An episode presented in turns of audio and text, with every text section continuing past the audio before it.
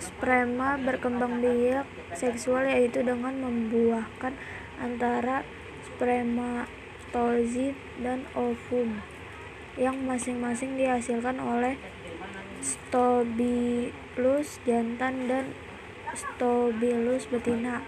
Hasil pembuahan berupa zogit zigot yang berkembang menjadi embrio lembaga.